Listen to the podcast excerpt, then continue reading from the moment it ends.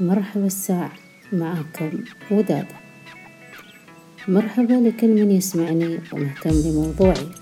أشكركم وأتمنى نقضي مع بعض وقت حلو وسعيد. موضوعنا اليوم موضوع دسم موضوع يمكن ما يعجب البعض منكم بس هذا الواقع ولازم نتكلم عنه.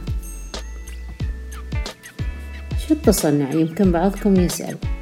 التصنع يعني تتظاهر بالشيء ليس فيك يعني بمعنى أصح تلبس أقنعة مزيفة ما تحاكي شخصيتك ولا أسلوبك ولا تصرفاتك. أعتقد وضح المعنى.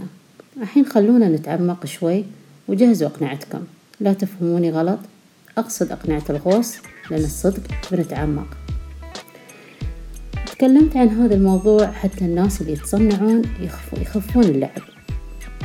يخفون اللعب شوي ويشيلون الأقنعة حتى الناس تقدر تعرف شو نوع الشخصية اللي نتعامل معاها.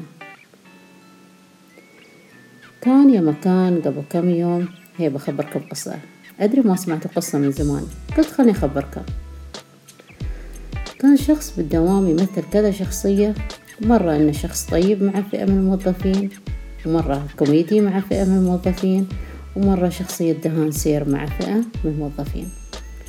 ولا. ومرة ابتسم قدامهم ومن أعطاهم ظهره طارت الابتسامة. كيف؟ ما أدري. سحر؟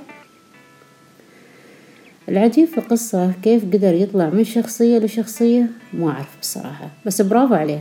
طلع أحسن ممثلين. كل حد الحين بيقول يمكن له مصلحة ويمكن هو حاب يحسن علاقته مع الموظفين. بعد طلعوا عذار تعالوا نرجع لموضوعنا. كافي تصنع.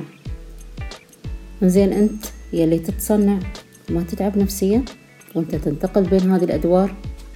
شو المشكلة إذا الإنسان كان على طبيعته وشخصيته؟ أنت لما تتصنع أنت تثبت لنفسك أولا بأنك بلا شخصية أو شخصيتك ما تعجب حد أو شخصيتك ما تتناسب معاهم ومنو اللي بيضيع بالأخير؟ أنت. بس أباك تتصور معاي. تمام؟ يعني طول حياتك طول حياتك هذه أنت عايش بس عشان تغير شخصيتك لترضي غيرك لغيرك فقط. تعرف وين المصيبة؟ إن الناس تدري إنك تتصنع ويبين على فكرة لأن عينك تعكس اللي بداخلك. مهما حاولت عيونك بتفضحك. أدري إن كلامي في الصميم بس هذا هو الواقع. أزيدكم الشعر بيت؟ التصنع ما يخليك تركز لا على نقاط القوة ولا على نقاط التحسين هذا لأنك ما تعرف شخصيتك. فكيف بتقدر تبني شخصيتك؟ أدري اللي يتصنع الحين زعل بس هذا الشي معناته زين لأنك فهمت قصدي وحاب تتخلص من هذه الأقنعة.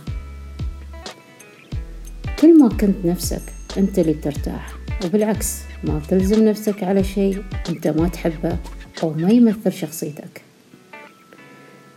والهدف العظيم اللي بتوصل له إذا كنت على طبيعتك أنك ما تحتاج للتصنع لأن الناس اللي حواليك واللي ظلوا معاك لأنهم حبوا شخصيتك من غير تصنع ومن غير أقنعة. تخيل كيف بالك مرتاح لأن الحين أنت تمثل شخصيتك. شخصيتك اللي صقلتها واهتميت فيها وطورتها. أقدر أقول لك الحين أنك تقدر تبرز شخصيتك من غير ما تحتاج للتصنع أو تلبس كذا قناع.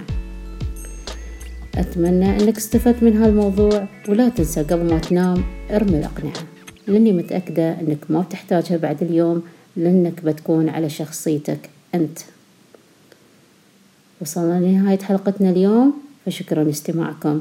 وأتمنى لكم يوم سعيد.